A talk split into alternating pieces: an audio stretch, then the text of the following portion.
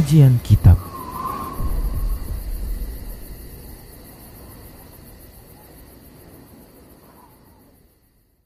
Bismillah, Assalamualaikum warahmatullahi wabarakatuh.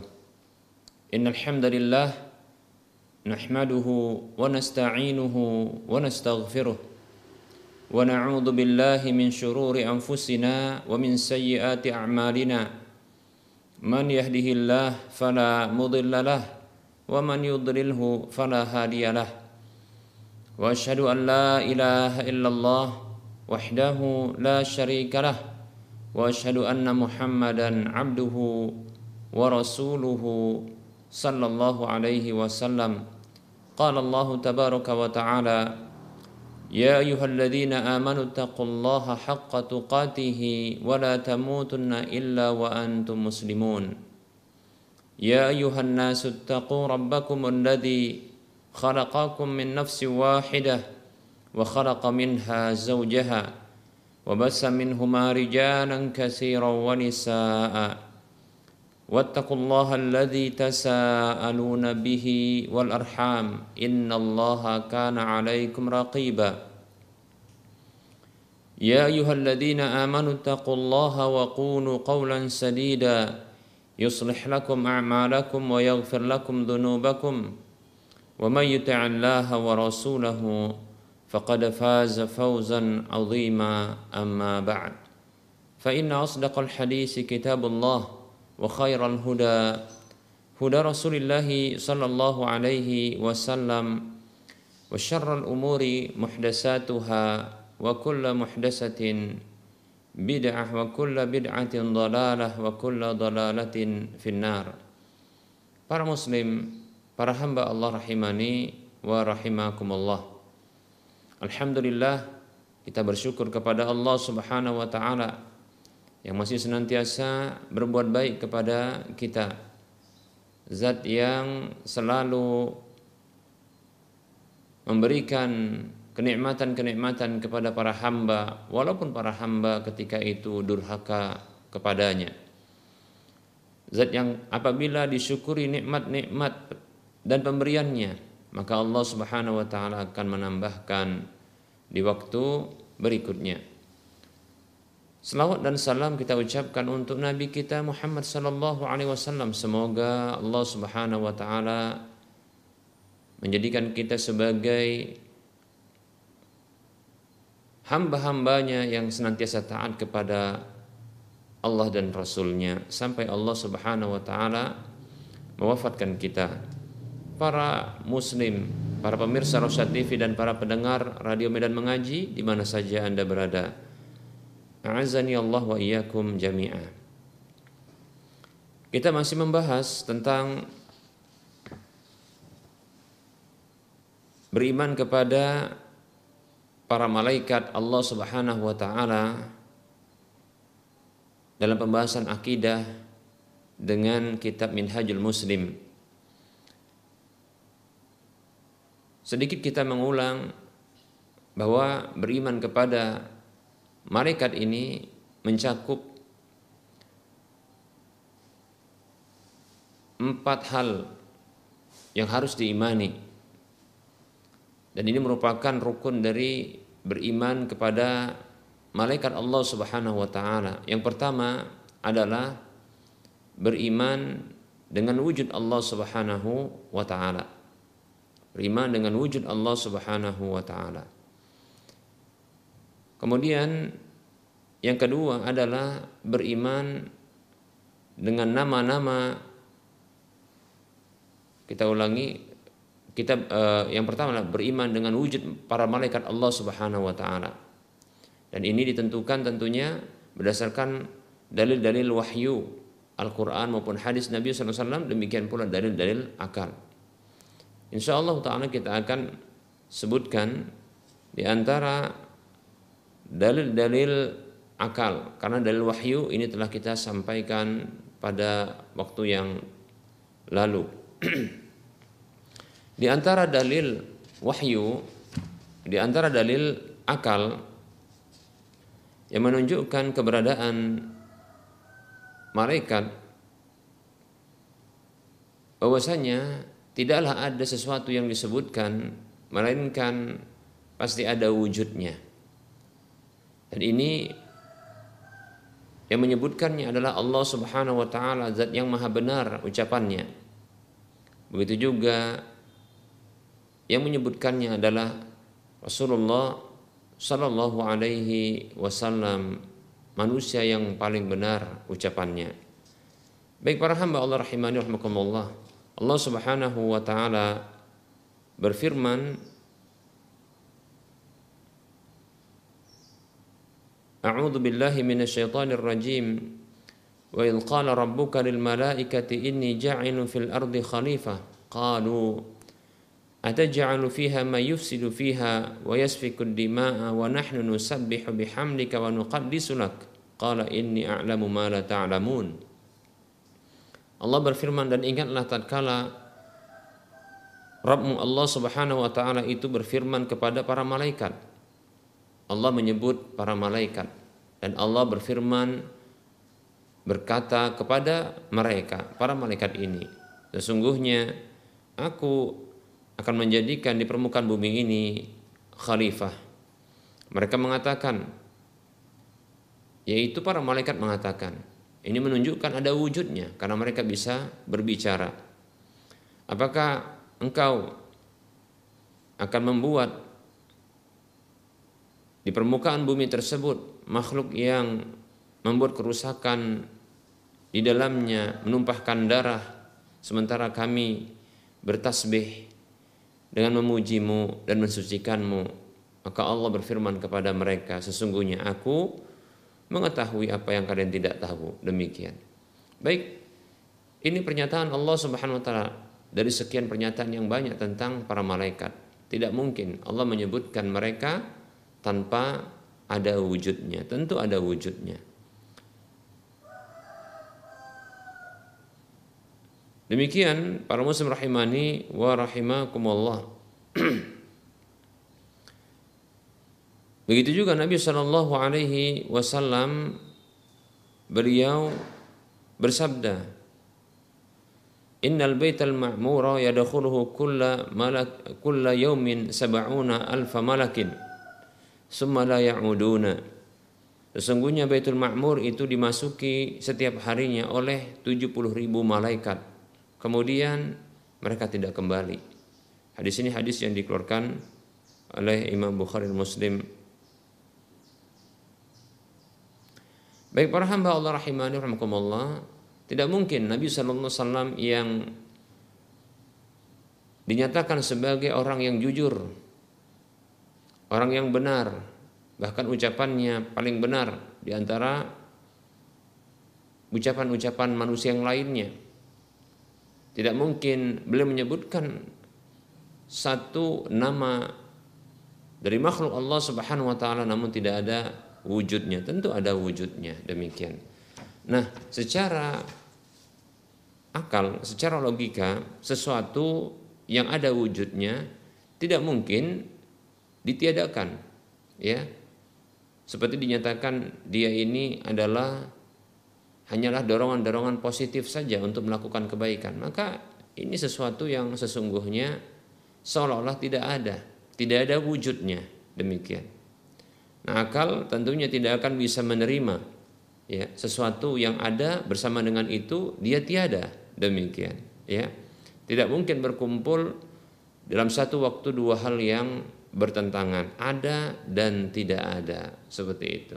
Contohnya seperti siang dan malam, ya tidak mungkin berkumpul dalam satu waktu ada dan tiadanya ya eh, kegelapan dan cahaya itu, siang dan malam itu. Demikian para hamba Allah rahimani wa rahimakumullah. Baik, ini dalil akal yang pertama yang menunjukkan ya tentang wujudnya para malaikat, keberadaan para malaikat itu dengan wujud yang hakiki tentunya.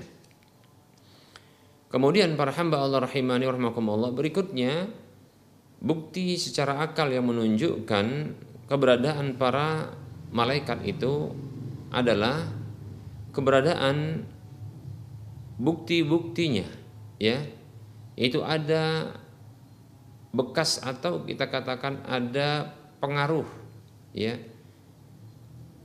atas keberadaan mereka. Layaknya kita ketika kita sedang berjalan lalu mendapatkan adanya tapak ya, adanya tapak kaki ya. Tentunya ada orang yang tadinya berjalan di sana demikian seperti itu.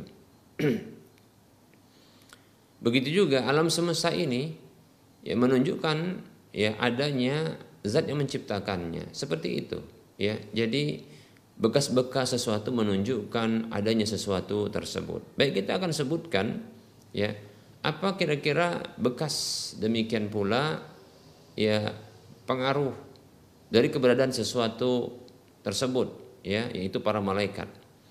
Allah Subhanahu wa taala telah menetapkan malaikat itu memiliki tugas-tugas ya tugas-tugas seperti di antaranya adalah ya malaikat maut yang memiliki tugas mencabut nyawa. Nah, kita dapatkan secara kenyataan adanya makhluk-makhluk yang mereka ini mengalami kematian dan dicabut nyawanya. Ya. Nah, ini dalil akal yang menunjukkan bahwasanya ya wafatnya begitu banyak makhluk-makhluk yang ada ini disebabkan karena dicabutnya ruh-ruh mereka, nyawa-nyawa mereka maka itu menjadi bukti yang nyata tentang adanya wujud malaikat itu ya. Lebih khusus adalah malaikat maut. Demikian para hamba Allah rahimani warahmatullah beserta dengan para pengiringnya tentunya ya. Allah Subhanahu wa taala berfirman di dalam surah As-Sajdah ayat 11 Allah mengatakan a'udzu billahi minasyaitonir rajim. Qul yatawaffakum malakul maut alladhi wukila bikum summa ila rabbikum turja'un Katakanlah wahai Muhammad sallallahu alaihi wasallam ya. Malaikat maut yang mewafatkan kalian tersebut yang ditugaskan kepada kalian kemudian kepada Rabb kalian kalian akan dikembalikan. Lihat, kita dapatkan para manusia, bahkan bukan hanya manusia, ya, makhluk-makhluk yang lain, ya, seperti hewan-hewan juga mengalami kematian, ya mengalami kematian, mengalami maut. Kata Allah Subhanahu wa taala, "Kullu nafsin dha'iqatul maut." Setiap jiwa itu pasti merasakan mati, kata Allah Subhanahu wa taala. Dan Allah jadikan ya ada satu malaikat yang ditugaskan untuk mencabut roh dan nyawa tersebut ya, untuk mencabut jiwa. Baik para hamba Allah rahimani wa rahimakumullah. Nah, itulah malaikat maut ya malaikat maut. Tatkala kita dapatkan ada yang benar-benar meninggal dunia, wafat, mengalami kematian, itu menunjukkan bahwasanya ya, malaikat itu telah bertugas dengan tugas yang diberikan oleh Allah Subhanahu wa taala. Demikian para hamba Allah rahimani wa rahimakumullah. Begitu juga para hamba Allah rahimani wa rahimakumullah kita dapatkan ya para nabi dan rasul mereka mendapatkan wahyu dari Allah Subhanahu wa taala. Dan mayoritas sampainya wahyu kepada para nabi dan rasul tersebut itu lewat malaikat Jibril yang disebut dengan Ruhul Amin Jibril alaihissalam yaitu satu malaikat yang ditugaskan oleh Allah Subhanahu wa taala untuk menyampaikan wahyu. Nah, ketika kita dapatkan pengkabaran bahwasanya para nabi dan rasul tersebut mendapatkan wahyu dan Al-Qur'an di antaranya. Bahkan kita dapatkan Al-Qur'an tersebut masih terjaga sampai sekarang. Ada di hadapan kita. Bahkan bisa diperbanyak lembaran-lembarannya agar kita bisa membacanya, memahami maknanya, ya ini wahyu dari Allah Subhanahu wa taala. Ya. Dan itu disampaikan kepada Nabi kita Muhammad sallallahu alaihi wasallam. Kata Allah Subhanahu wa taala di dalam surah An-Naml ayat 6, "Wa innaka latulaqal Qur'ana min ladun hakimin alim." Dan sesungguhnya engkau wahai Muhammad sallallahu alaihi wasallam benar-benar diberikan Al-Qur'an itu dari sisi zat yang maha bijaksana lagi zat yang maha mengetahui demikian. Demikian pula ya Allah mengatakan nazala bihi ruhul amin ya. Al-Quran tersebut itu dibawa turun oleh ruhul amin yaitu malaikat. Malaikat Jibril alaihissalam. Tatkala disampaikan Al-Quran ini kepada Nabi kita Muhammad sallallahu alaihi wasallam dan kita telah mendapatkannya. Ini buktinya. Menunjukkan bahwasanya memang betul-betul ada ya malaikat yang bernama dengan Jibril alaihissalam yang bergelar dengan Ar-Ruhul Amin ya. Jiwa yang dipercaya.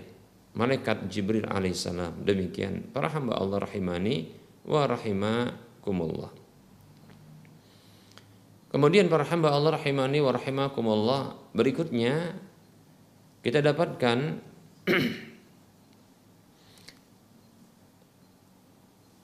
kondisi manusia yang mereka dijaga. Dijaga dari gangguan jin dan syaitan ya serta dari keburukan mereka sepanjang kehidupan mereka. Dan manusia tersebut hidup padahal hidup di antara jin dan syaitan tersebut. Dalam kondisi ya jin dan syaitan itu jin syaitan itu bisa melihatnya. Ya bisa melihat manusia sementara dia tidak bisa melihat ya jin syaitan tersebut. Demikian.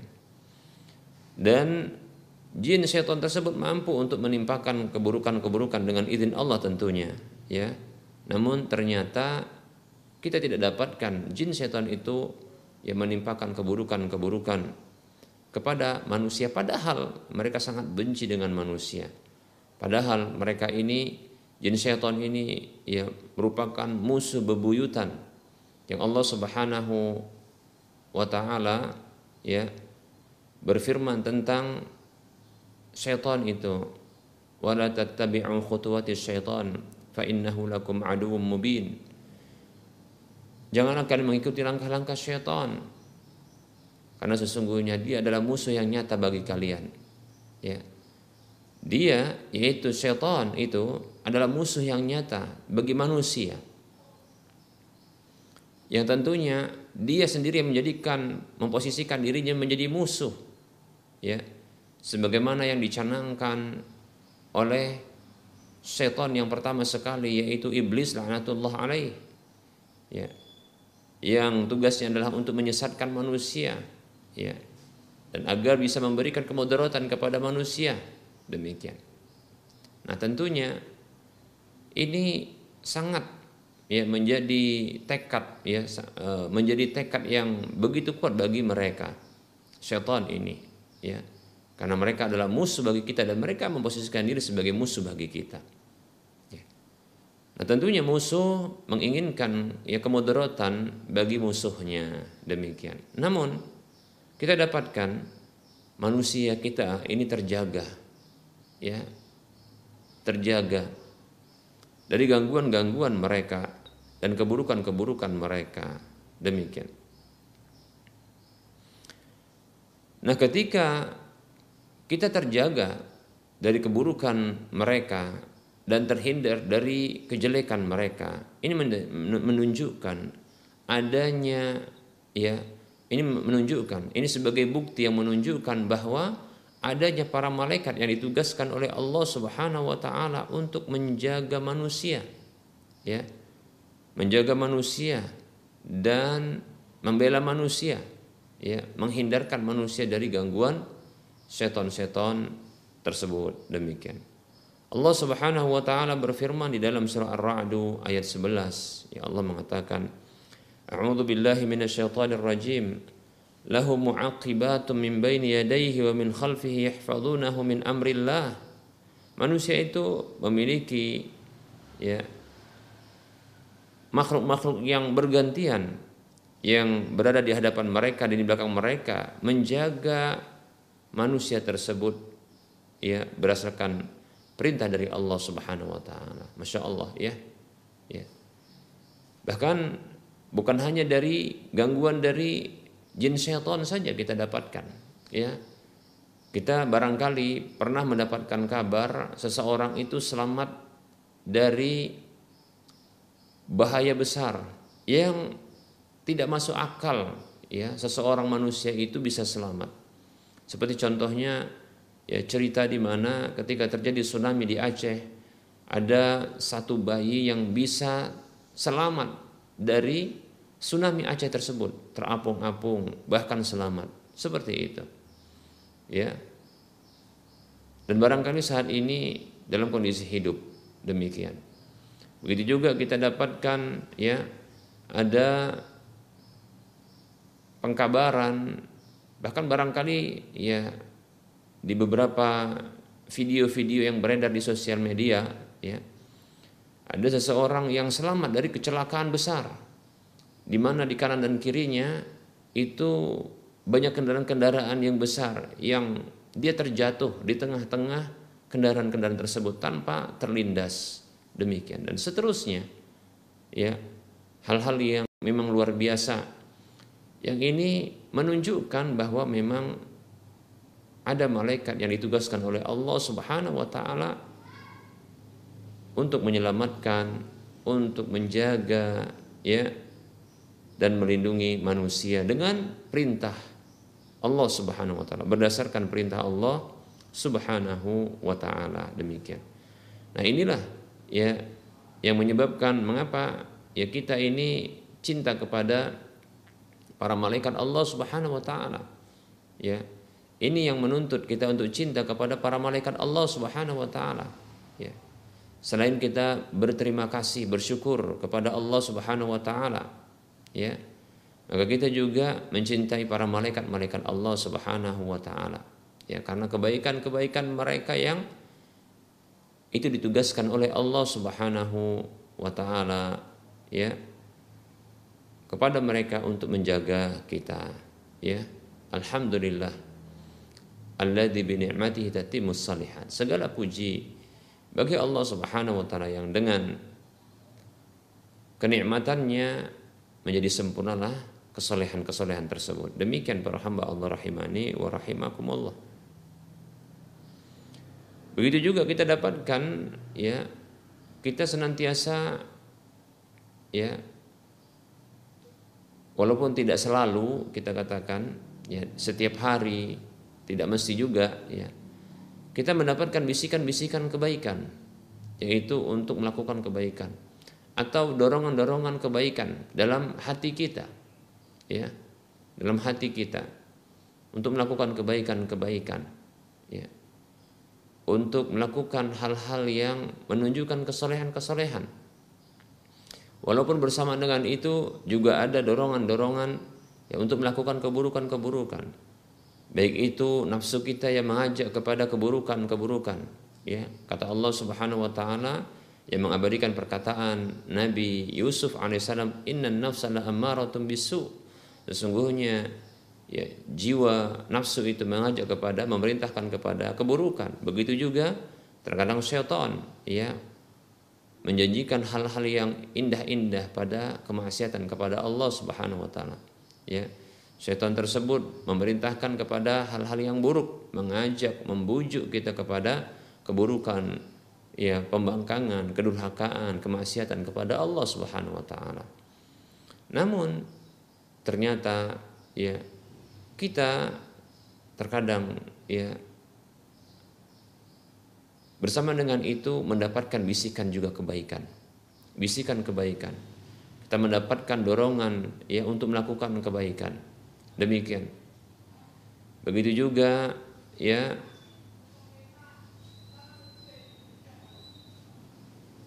yang akhirnya ini berakibat kita pun memilih untuk melakukan kebaikan Demikian para hamba Allah rahimani wa rahimakumullah. Ya. Maka ini membuktikan kepada kita bahwa memang ada malaikat yang ditugaskan ya oleh Allah Subhanahu wa taala untuk menjaga manusia dari keburukan yang mereka mengingatkan kita kepada kebaikan-kebaikan. Demikian para hamba Allah rahimani wa rahimakumullah.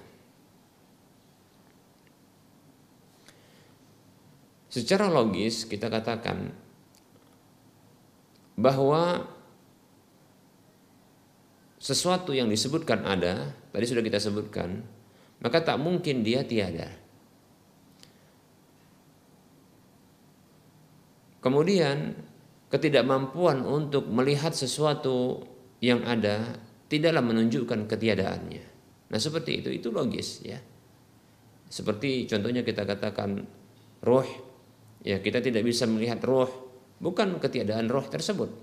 Begitu juga ketika kita mendengar ungkapan akal namun kita tidak bisa melihat akal itu bukan karena ketiadaan akal tersebut. Demikian ya.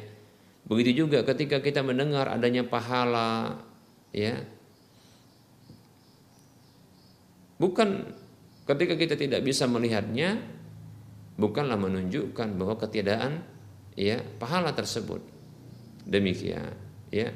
Surga, neraka dan yang lainnya ya ketika kita tidak bisa melihatnya ya bukan berarti ketiadaannya ya bukanlah menunjukkan ketiadaannya demikian para hamba Allah rahimani wa rahimakumullah. Apa sebabnya? Karena ketahuilah ini karena kelemahan ya mata kita yang dijadikan oleh Allah Subhanahu wa taala untuk ya mengidentifikasi ya keberadaan para malaikat tersebut. Karena memang Allah jadikan malaikat ini adalah makhluk yang gaib makhluk yang gaib. Nah, keberadaan para malaikat ini ini sebuah kepastian, keberadaan yang hakiki. Hanya saja kelemahan mata kita, ketidakmampuan ya indera penglihatan kita untuk mengidentifikasi malaikat tersebut sehingga kita tidak bisa melihatnya. Namun bukan berarti ketiadaan ya wujud dari malaikat tersebut. Demikian para hamba Allah rahimani wa rahmakumullah. Jikalau keberadaan ya jikalau kita katakan nama-nama yang disebutkan dalam Al-Qur'an ya itu tidaklah bisa diindra oleh penglihatan ya. Atau kita katakan seperti ini andaikan malaikat yang disebutkan dalam Al-Qur'an begitu juga dalam hadis Nabi SAW disebutkan oleh Allah Subhanahu wa taala zat yang maha benar perkataannya. Disebutkan dalam hadis Nabi SAW orang yang paling benar ucapannya. Itu mengharuskan ya ketiadaan wujudnya karena ketiadaan ya untuk bisa dilihat. Ketidakmampuan untuk bisa dilihat tidak bisa dilihat maka ketahuilah. Banyak hal kalau demikian yang kita ingkari wujud dan keberadaannya. Bahkan Allah Subhanahu wa taala tidak mampu ya penglihatan kita indera penglihatan kita untuk bisa mengindranya untuk melihatnya untuk mengidentifikasi wujudnya. Apakah berani kita menolak wujud Allah Subhanahu wa taala, wujud Allah yang hakiki tersebut, zat Allah yang hakiki tersebut. Demikian. Para hamba Allah rahimani warahmatullah, maka ini satu yang tidak logis kita katakan. Demikian para hamba Allah rahimani warahmatullah.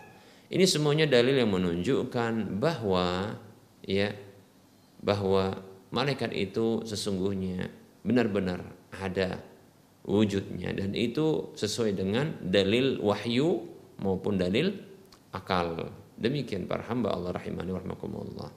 Tentunya keberadaan malaikat itu wujudnya adalah wujud yang hakiki ya sesuai dengan apa yang Allah ciptakan ya bagi mereka para malaikat tersebut yang Allah ciptakan dari cahaya. Demikian para hamba Allah rahimani warahmatullah.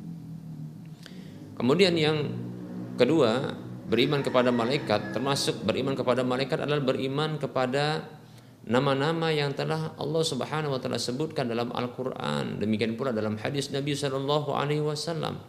Maka kita wajib untuk mengimani nama-nama tersebut secara rinci ya.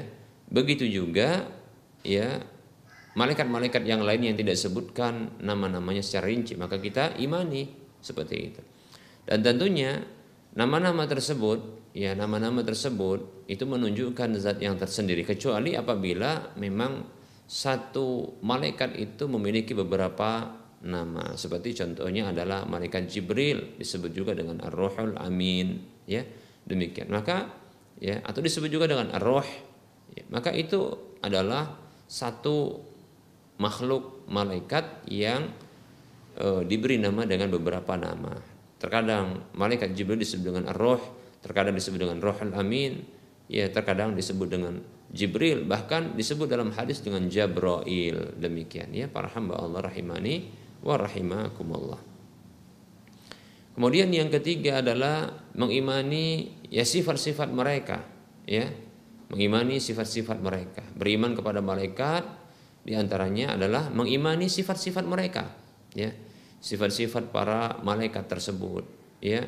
Yang mereka ini memiliki sayap ada yang memiliki satu, dua, tiga sayap. Ada pula yang sampai 600 sayap seperti malaikat Jibril alaihissalam demikian. Ya, begitu juga mereka punya kemampuan untuk menjelma, kemampuan untuk terbang, ya, kemampuan untuk bergerak cepat demikian. Nah itu, ya, itu yang Allah Subhanahu Wa Taala berikan kepada mereka kemampuan-kemampuan seperti ini, sifat-sifat mereka ini demikian.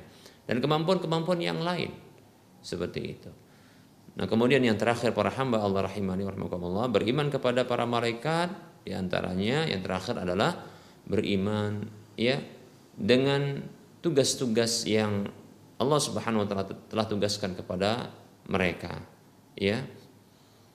Ada malaikat Jibril yang tugasnya untuk menyampaikan wahyu ada malaikat ya Mikail yang bertugas untuk ya eh, mengurusi uh, hujan begitu juga pembagian rizki ya dan tanaman-tanaman. Begitu juga ada malaikat Israfil yang nantinya meniup sangkakala. Demikian pula ada malaikat ya penjaga surga penjaga neraka ya ada malaikat yang mereka ini e, tugasnya adalah meniupkan roh ya bagi e, kepada para janin. Begitu juga mencatat ya empat takdirnya yang telah ditetapkan oleh Allah Subhanahu wa taala. Ada malaikat yang menjaga manusia, ada malaikat yang berkeliling untuk mencari uh, penuntut ilmu dan majelis-majelis ilmu. Demikian seperti itu ya. Dan seterusnya ya. Ada malaikat yang pada umumnya mereka itu adalah taat kepada Allah Subhanahu wa taala ya. Bukan pada umumnya bahkan semua malaikat itu taat kepada Allah Subhanahu wa taala ya yang mereka itu bertasbih ya. Ada malaikat yang memikul aras ya. Ada malaikat yang mereka itu beribadah kemudian bertasbih kepada Allah siang dan malam tanpa henti dan tanpa lelah. Demikian. Maka wajib bagi kita untuk mengimani para malaikat tersebut ya. Sesuai dengan apa yang telah Allah ciptakan bagi mereka. Demikian para hamba Allah rahimani wa rahimakumullah. Nah ini pembahasan iman kepada para malaikat dan kita telah tuntaskan. Insya Allah taala pada waktu mendatang kita akan lanjutkan ya pada materi berikutnya yaitu rukun iman yang ketiga yaitu beriman kepada kitab-kitab Allah Subhanahu wa taala. Insya Allah taala pada waktu mendatang. Dan kita cukupkan penyampaian materi ya ini kita lanjutkan dengan sesi soal jawab.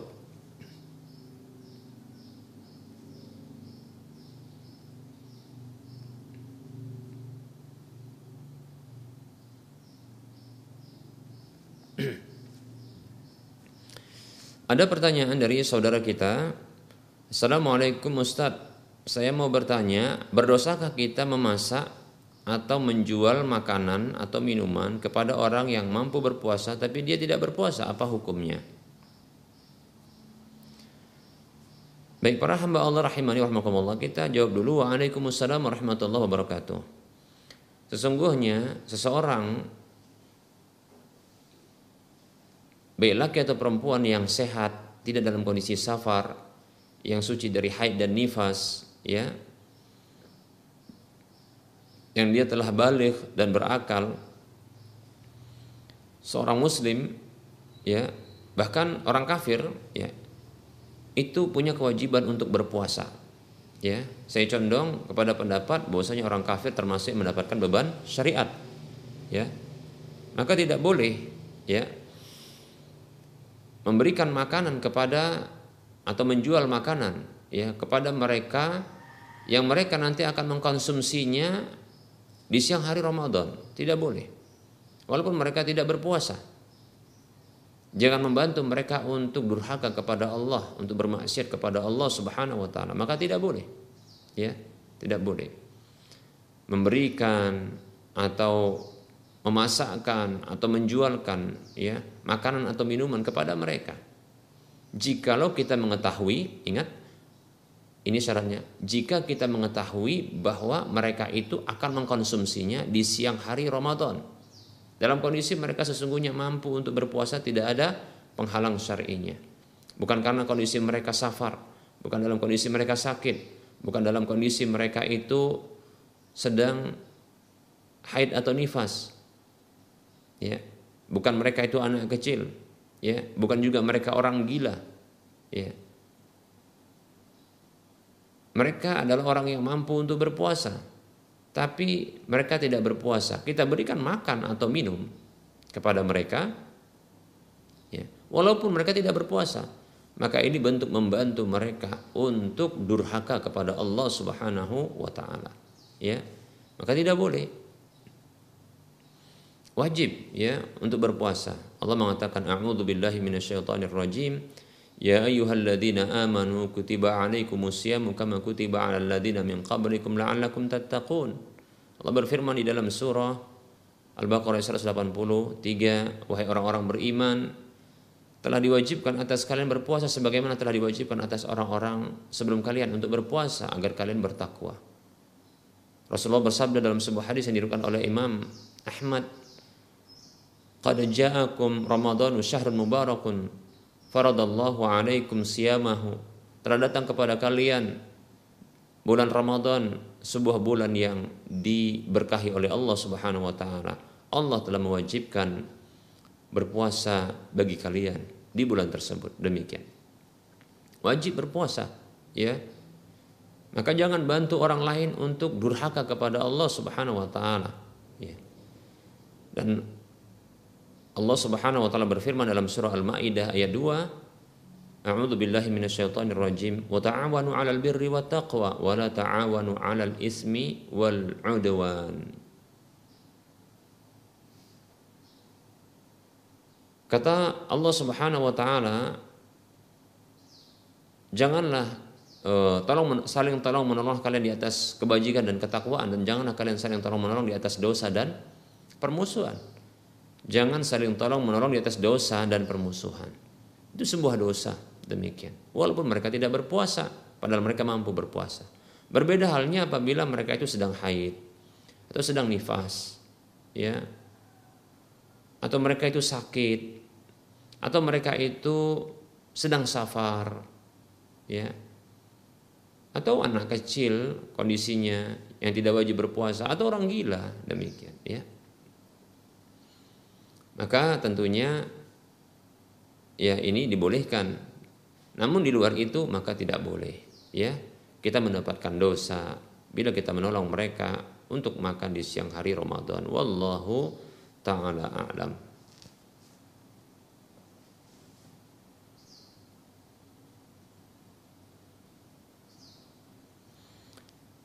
Nah, bagaimana kalau seandainya nanti dia marah ketika tidak dimasakkan? Ya, Ya, kalau dia marah, ya begini saja. Kalau kita masak pun bukan untuk dia. Ya, kalau kita katakan kita masak untuk ya masakan tersebut masakan yang dibuat untuk malam hari. Nah, itu hal yang berbeda ya. Contoh nih, ya. Kita buat kita buat masakan ya. Kita buat masakan, kita masakkan ya, tapi untuk ya di e, disajikan di malam hari. Namun dia memakannya Nah itu bukan sebuah dosa bagi kita. Demikian, ya. Demikian. Nah, cuma kita kasih tahu tentang kewajiban untuk berpuasa. Ya terlebih dahulu wajib berpuasa. Dosa bila tidak berpuasa. Demikian. Itu bentuk nasihat kepadanya. Ad-dinun nasihah. Ya agama itu adalah nasihat. Demikian. Sampaikan. Ya dengan lemah lembut contohnya bisa juga dengan apa? Dengan kalimat tegas Sampaikan kepadanya bahwasanya sesungguhnya ya Rasulullah SAW pernah bersabda dalam sebuah hadis yang diriwayatkan oleh Ibu, Ibnu Hibban, begitu juga Ibnu Khuzaimah. Ya. Rasulullah SAW pernah bersabda, "Baina ana naimun id atani rajulani." Tatkala aku sedang tidur, tiba-tiba ada dua malaikat yang datang kepadaku. Intalaqa bi. Keduanya ya membawa pergi aku. Lalu Nabi SAW ya dihadapkan kepada satu tanjakan yang begitu tinggi ya maka kata dua malaikat ini is'ad naiklah maka Kata Nabi SAW, ya aku tidak bisa naik karena begitu tinggi. Maka kedua malaikat itu membantu Nabi SAW. Lalu ketika sampai di puncaknya Nabi SAW mendengarkan ya raungan lolongan. Lalu beliau bertanya, lolongan apakah ini? Maka dijawab kepada Nabi SAW, itu lolongan ya siksaan bagi penghuni neraka demikian. Lalu dibawa pergi Nabi SAW lagi. Lalu ternyata Nabi SAW dihadapkan kepada manusia-manusia yang dalam kondisi mereka disiksa dengan bentuk ya digantung dengan secara terbalik ya kepala mereka di bawah kaki mereka di atas itu digantung pada kaki-kaki mereka dalam kondisi sudut-sudut mulut mereka terkoyak dan mengalirkan darah Rasulullah bertanya kepada dua malaikat tersebut man haula'i siapa mereka ini? Maka Rasulullah Shallallahu Alaihi Wasallam dijawab pertanyaan beliau dengan ungkapan haula illadina ulaika alladina tuftiruna qabla tahillati saumihim. Ya. Mereka itu adalah orang-orang yang berbuka sebelum waktu berbuka puasa mereka. Demikian. Hadis riwayat Ibnu Hibban dan Ibnu Khuzaimah disahihkan oleh Syekh Al-Albani rahimahullahu taala. Baik ya. Di sini menunjukkan siksaan yang begitu parah ya bagi orang yang mereka sesungguhnya berpuasa di awalnya lalu mereka berbuka tanpa ada sebab alasan yang dibenarkan ya sebelum waktunya tadinya mereka berpuasa ini siksaan bagi mereka seperti ini, yaitu kondisi digantung, ya terbalik, lalu dikoyak mulutnya, mengalir darah. Coba bayangkan, sampaikan kepada orang tersebut yang tidak berpuasa itu hadis seperti ini, hadis Nabi yang tak pernah dusta, ya dengan perkataannya. Sampaikan seperti ini. Kalau dia seorang muslim mukmin pasti dia membenarkan sabda Nabi Shallallahu Alaihi Wasallam demikian. Paling tidak akan memunculkan rasa takut. Coba bayangkan ya bila di ujung gang atau jalan dari rumah kita, domisili kita, di sana ada satu orang yang digantung ya dengan cara terbalik. Lalu ternyata ya koyak mulutnya ketika itu dan mengalir darah masih menetes darah tersebut Bagaimana kira-kira? Menyeramkan bukan? Ya, kita dapatkan ya di wilayah dekat rumah kita ada orang yang demikian atau mungkin di dalam rumah kita. Ya. Orang tersebut dalam kondisi seperti itu, disiksa begitu. Ya. Dalam kondisi dibuat demikian, kira-kira ini menyeramkan. Saya kira menjadi angkerlah tempat tersebut ya dalam beberapa waktu, bahkan mungkin untuk seterusnya. Karena begitu menyeramkannya. Itu siksaan ya bagi orang yang sesungguhnya tadinya berpuasa, namun dia membatalkannya tanpa sebab yang dibenarkan. Lalu bagaimana dengan orang yang sama sekali tidak berpuasa? Demikian. Yang saya duga dengan dugaan kuat itu siksanya lebih berat ketimbang yang tadi. Wallahu taala alam yang jelas andaikan pun siksaan itu diberlakukan kepada orang-orang yang tidak berpuasa sama sekali itu sudah mengerikan. Apalagi yang menyiksa seperti itu adalah malaikat yang ditugaskan oleh Allah Subhanahu wa taala. Nauzubillahi min dzalik, ya. Sampaikan kepadanya demikian. Nah, ini bentuk nasihat ya agar dia ya berhenti dari kebiasaan buruknya ya meninggalkan kewajiban. Wallahu taala alam.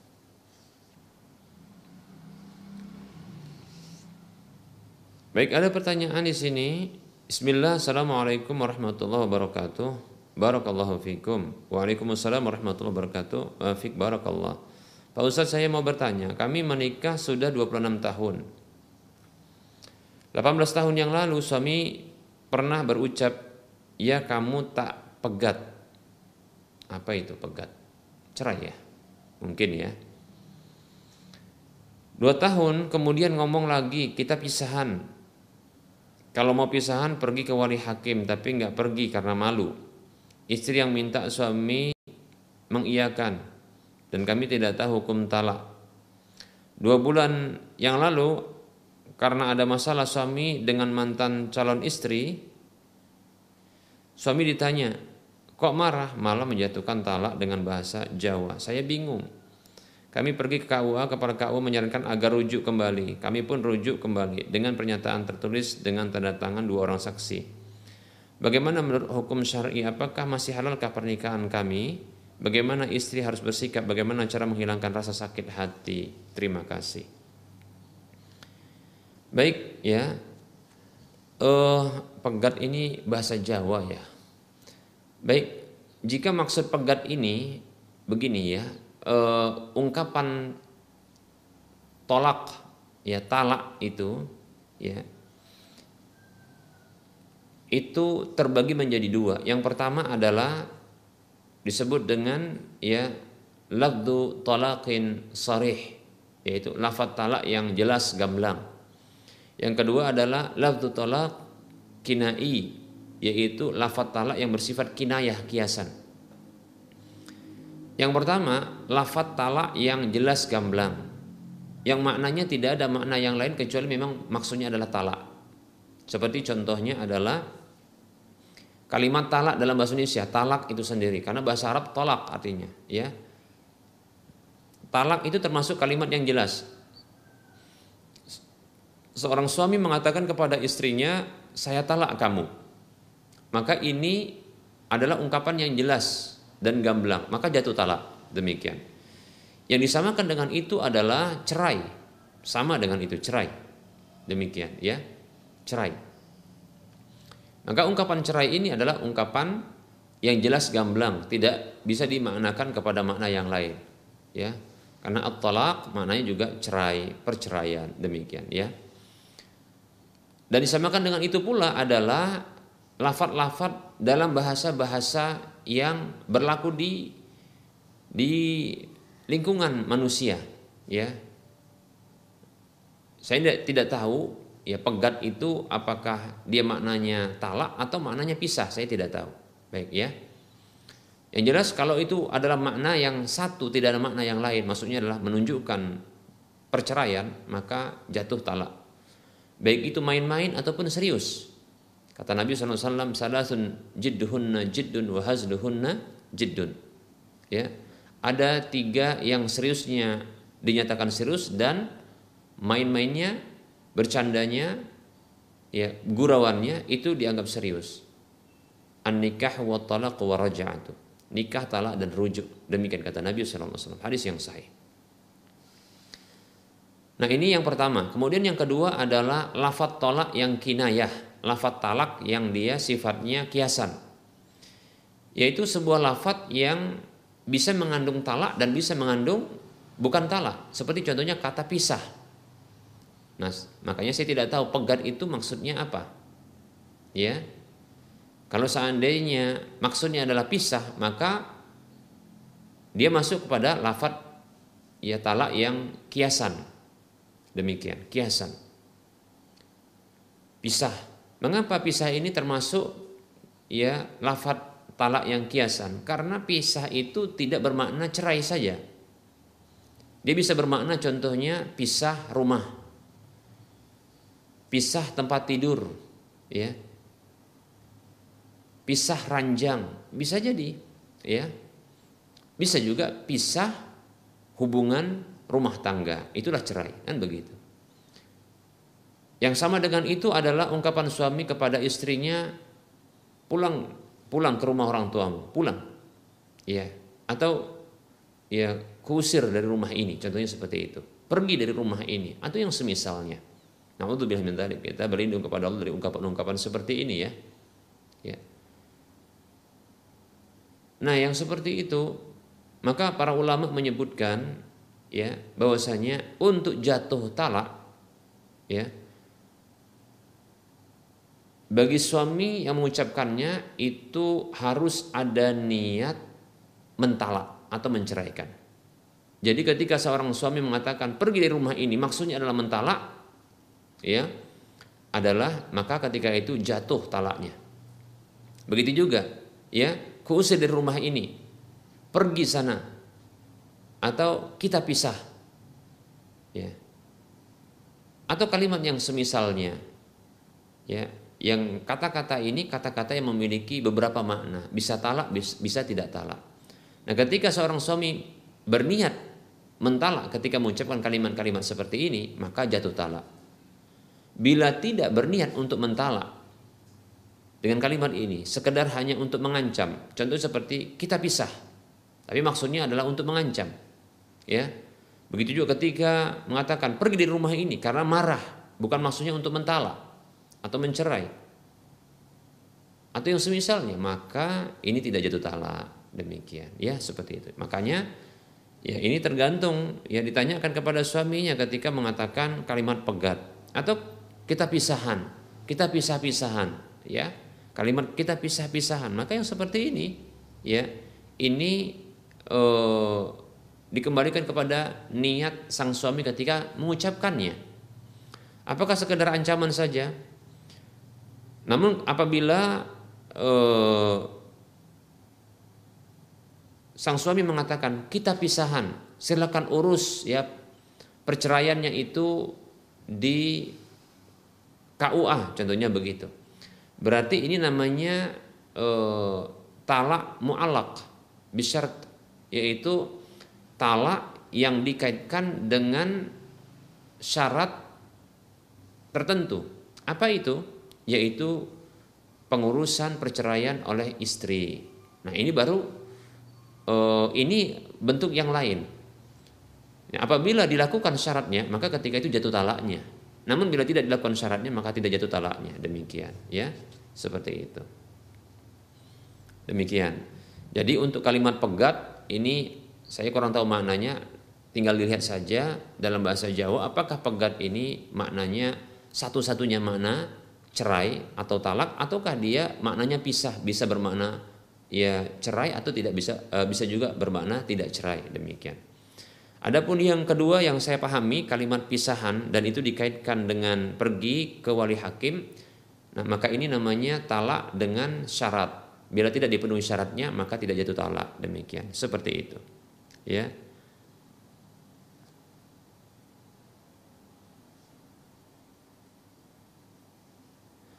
Kemudian menjatuhkan talak dengan bahasa Jawa, ya. Ini tinggal dilihat, ya. Apakah betul itu lafadznya lafadz yang jelas gamblang, tidak ada makna yang lain, ataukah dia maknanya adalah makna yang banyak bisa talak bisa tidak talak. Maka mohon dipahami ya penjelasan yang tadi kita sebutkan di awal agar tidak uh, keliru demikian seperti itu. Nah, ketika kalau saya lihat ya, kalaupun seandainya eh, kalimat pegat itu adalah kalimat talak atau cerai, maka baru satu. Ya. Tapi saya tidak tahu apakah pegat itu maknanya talak atau cerai atau pisah. Nah begitu. Kalau pisah maka tergantung niat. Adapun yang kedua syarat apa namanya talak dengan yang eh, dengan syarat pergi ke KUA atau ke wali hakim ternyata tidak dilakukan maka ini tidak berlaku ya kemudian yang ketiga adalah ya e, mengucapkan dengan bahasa Jawa. Baik. Maka bila kita urut yang seperti ini baru berlaku dua saja. Kalau memang seandainya itu betul-betul kalimat-kalimat talak. Adapun yang kedua yang dengan mengkaitkan pergi ke wali hakim ya, maka ini tidak berlaku karena syaratnya tidak diberlakukan. Ternyata ketika bertemu ya pergi ke KUA ternyata KUA menyarankan untuk rujuk kembali. Ya untuk rujuk kembali. Dan insya Allah taala ya ini rujuknya insya Allah bisa sah. Silakan dilanjutkan ya demikian. Nah tentunya apabila ternyata e, wali hakim memutuskan ya untuk rujuk nah ini tentunya berdasarkan keilmuan mereka ya keilmu mereka. Kita berbaik sangka dengan para uh, wali hakim dari KUA atas dasar ilmu yang mereka memutuskan hal tersebut. Ya tentunya uh, rincian permasalahan telah disampaikan dan pihak wali hakim telah melakukan analisa terhadap kasus tersebut lalu ya melakukan ya rujuk ya atau menyarankan untuk rujuk dan telah dilakukan maka insya Allah taala ini bisa dilanjutkan rumah tangga dan sebaiknya ya. Hendaknya suami istri ya kebetulan yang bertanya ini adalah seorang istri maka saya sarankan untuk melihat kelebihan suami ya bersemangat untuk menjaga keutuhan rumah tangga. Sesungguhnya manusia itu banyak kesalahannya. Karena Nabi kita Muhammad SAW mengatakan kullu bani adam khata ya setiap anak Adam itu pelaku kesalahan. Kesalahan kepada Allah kesalahan kepada manusia. Wa khairu khata'in tawabun sebaik-baik orang yang bersalah itu adalah bertaubat. Permasalahannya terkadang ya lawan interaksi kita baik itu dalam lingkungan yang sempit seperti rumah tangga ini, begitu juga dalam lingkungan yang lebih luas, ini terkadang mereka tidak tidak sadar tentang kesalahannya. Maka miliki sifat pemaaf, ya, miliki sifat pemaaf. Karena sesungguhnya ya, sifat pemaaf itu ya merupakan sifatnya orang-orang bertakwa yang dijanjikan surga oleh Allah Subhanahu wa taala. Ya.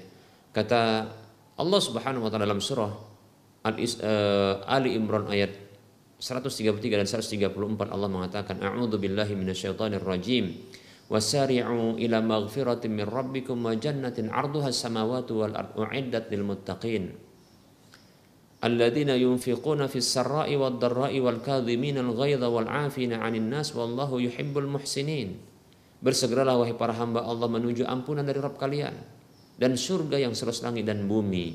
Perhatikan. Allah menyeru hamba-hambanya untuk bersegera menuju ampunan Allah karena tidak ada manusia yang tidak punya dosa maka bersegera menuju ampunan Allah Subhanahu wa taala. Ya. Kemudian menuju surga juga. Yang luasnya seluas langit dan bumi itu adalah tempat terakhir kita. Ya. Dan ini merupakan kampung halaman kita. Tempat kesudahan kita yang terbaik. Demikian. Maka bertekadlah tujulah surga tersebut. Demikian. Uiddat muttaqin. Itu dipersiapkan bagi orang-orang yang bertakwa. Siapa mereka orang-orang yang bertakwa ini alladzina yunfiquna fis wad yaitu orang-orang yang mereka berinfak di kala senang dan susah susah dan senang kemudian wal ghaidha mereka itu orang yang bertakwa itu yang dijanjikan surga adalah orang-orang yang mereka menahan amarah tatkala mampu untuk melampiaskannya. Kemudian wal afina anin nas dan mereka itu adalah orang-orang yang menahan e, memaafkan kesalahan manusia. Wallahu yuhibbul muhsinin. Itu merupakan dan Allah mencintai orang-orang yang berbuat kebaikan. Itu merupakan kebaikan. Demikian, ya.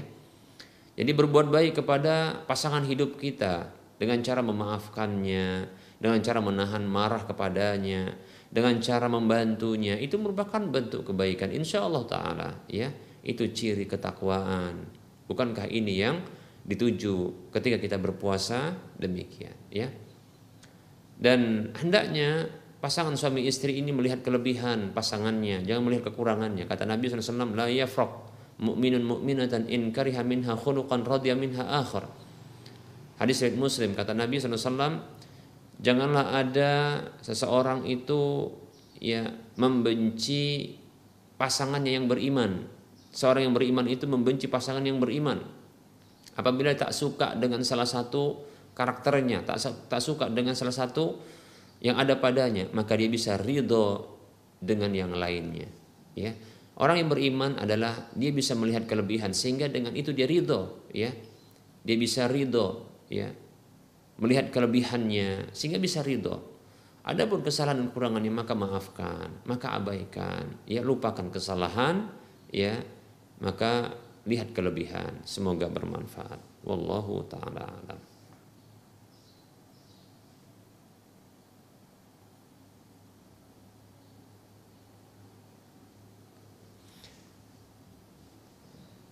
Ada pertanyaan, Assalamualaikum Ustadz, saya mau bertanya, berdosakah kita bila kita tidak menghitankan anak perempuan karena bidan atau dokternya tidak mau? Baik, e, tentang khitan bagi anak perempuan para ulama berbeda pendapat. Pendapatnya cuma dua saja setahu saya. Yang pertama adalah mengatakan wajib. Ya, pendapat yang mengatakan wajib. Ya. Wanita itu wajib dikhitan. Begitu pendapat yang pertama. Kemudian pendapat yang kedua mengatakan bahwasanya wanita itu ya sunat saja khitan. Ya, khitan baginya adalah sunat demikian. Demikian. Wallahu taala alam, saya condong kepada pendapat bahwasanya khitan bagi wanita itu adalah sunat saja. Dikerjakan berpahala, ya tidak dikerjakan maka tidak berdosa. Demikian. Nah, Ya, ini kembali kepada sang penanya ya, apakah eh, khitan bagi anak wanita ini adalah apakah wajib ataukah dia sunat demikian. Ya kalau e, sang penanya mengatakan wajib maka anda berdosa bila tidak mengkhitankannya. Demikian. Namun kalau ya sudah mengusahakannya namun tidak juga ada mengkhitannya maka tidak ada dosa tentunya karena sesuai dengan kemampuan. Itu bagi yang berpendapat wajib. Kalau berpendapat sunat ya tidak ada dosa tentunya ya. Wallahu taala alam. Baik ada pertanyaan? Ini barangkali mungkin yang terakhir ya.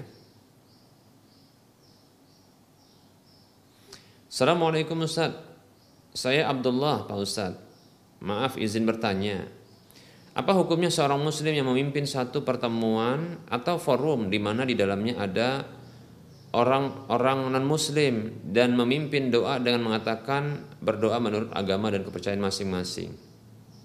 Ya. Baik. Nah, kita jawab dulu Waalaikumsalam. Waalaikumsalam warahmatullahi wabarakatuh. Tentunya pertemuan yang dilakukan dan melibatkan orang-orang non muslim dalam urusan-urusan dunia ini diboleh dibolehkan ya. Apalagi dalam urusan pekerjaan contohnya ya. Atau dalam urusan-urusan yang tidak ada kaitannya dengan kemaslahatan agama ya.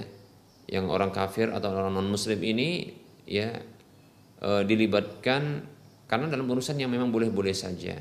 Demikian ya. Maka tentunya hukumnya boleh ya untuk melakukan pertemuan seperti ini. Ini yang pertama. Kemudian yang kedua ya memimpin doa ya dengan mengatakan berdoa menurut ya kepercayaan dan agama masing-masing. Ya ini tentu ya demikian ya. ya tidak mungkin kita ya e, mengajak mereka berdoa dengan doa kita karena belum tentu doa mereka diterima bahkan bisa jadi tertolak karena kekafiran mereka demikian ya karena kekafiran mereka andaikan pun ya mereka kafir bisa jadi memang apa namanya diterima doa-doa mereka walaupun dalam kondisi kafir tapi tentunya ketika tulus berdoa kepada Allah Subhanahu wa taala. Tapi kalau berdoanya kepada Tuhan-tuhan mereka tentunya tidak tidak diterima demikian ya. Nah. Mungkin ada yang bertanya, mengapa apa alasan doa orang kafir kok diterima? Kita katakan ketika Allah Subhanahu wa taala memfonis kafir iblis Lalu iblis minta kepada Allah agar ditangguhkan ya kematiannya. Maka Allah Subhanahu wa taala mengabulkan doa-doa doa iblis tersebut. Demikian, seperti itu, ya. Padahal telah kafir. Ya, wa kana minal kafirin dan dia termasuk orang kafir. Demikian. Begitu juga ya orang-orang musyrik di zaman dahulu, ya, Sebagaimana dalam surah Al-Ankabut. Ya Allah SWT berfirman idza raqibu fil fulki da'u Allah mukhlishina lahuddin falamma najahum ilal barri idahum yusyrikun ya. Maka tatkala mereka berada di bahtera kapal besar mengarungi samudra mereka diombang-ambing oleh ombak yang besar. Mereka berdoa dengan mengikhlaskan ketaatan itu kepada Allah Subhanahu wa taala maka tatkala mereka diselamatkan oleh Allah ke daratan, ternyata mereka berbuat syirik kembali. Lihat dipenuhi oleh Allah doa mereka. ya bahkan disamakan kedaratan namun mereka kembali berbuat syirik seperti biasa. Menunjukkan orang kafir ketika berdoa tapi tulus kepada Allah bisa jadi diterima oleh Allah Subhanahu wa taala. Demikian. Seperti itu ya. Nah baik ya. Nah dengan mengucapkan berdoa menurut agama dan kepercayaan masing-masing ini barangkali solusi ya solusi. Demikian ya. Wallahu taala alam saya condong ya tidak mengapa. Wallahu taala a'lam.